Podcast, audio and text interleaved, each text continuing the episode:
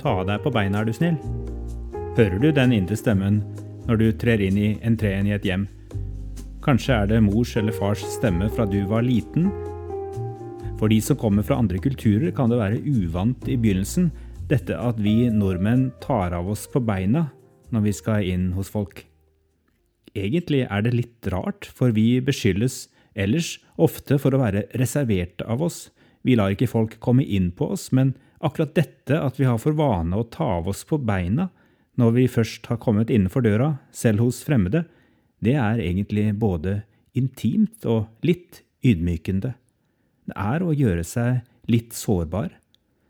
Føttene kan jo lukte litt hvis skoene har vært på en stund, og vi er mer nakne på sokkelesten enn med skoene på. Nå hender det gjerne at folk sier at jeg bare må beholde skoene på hvis jeg kommer på husbesøk som prest. Da mener de å si at det ikke er så farlig om det blir litt skittent, og de viser meg kanskje en slags respekt. De vil ikke gjøre situasjonen vanskeligere for meg enn nødvendig. Men jeg velger stort sett konsekvent å ta av meg på beina. For meg er det en meningsfull ting å gjøre. Det får meg til å tenke på Moses, som fikk se Herrens engel i en flammende ild som slo opp fra en tornebusk. Det står i andre Mosebok kapittel tre. Da Herren så at han kom bort for å se, ropte Gud til ham fra tornebusken. Moses, Moses. Han svarte, Her er jeg. Og Gud sa, Kom ikke nærmere, ta skoene av føttene, for stedet du står på, er hellig grunn.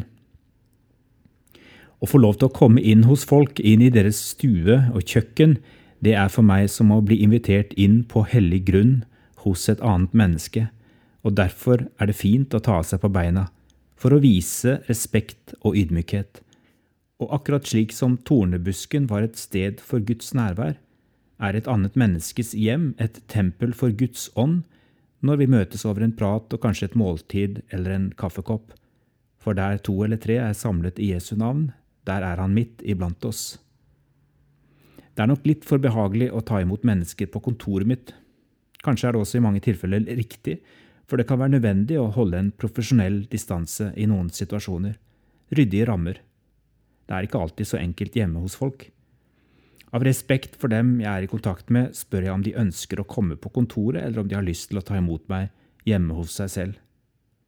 Samtidig skulle jeg egentlig gjerne ha gått enda mer hjem til folk enn jeg i praksis prioriterer eller tar meg tid til, for det skjer veldig ofte noe spesielt når jeg får lov til å møte mennesker på deres hjemmebane, bokstavelig talt på deres premisser. Jesus hadde verken noe kontor eller noe hjem å invitere hjem til. Derfor inviterte han seg selv til andre. Det gjentar seg stadig i evangeliene. Han viste en slags omvendt gjestfrihet. Han tillot andre å by på seg selv og vise ham sin gjestfrihet.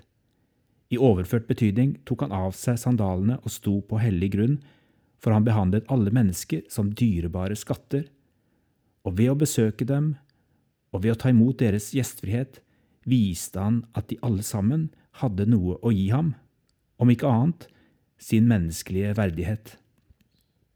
Har du merket hvor forskjellig det er å møte mennesker på et offentlig sted og å møte dem i deres hjemlige miljø? Det handler om å slippe mennesker innpå seg.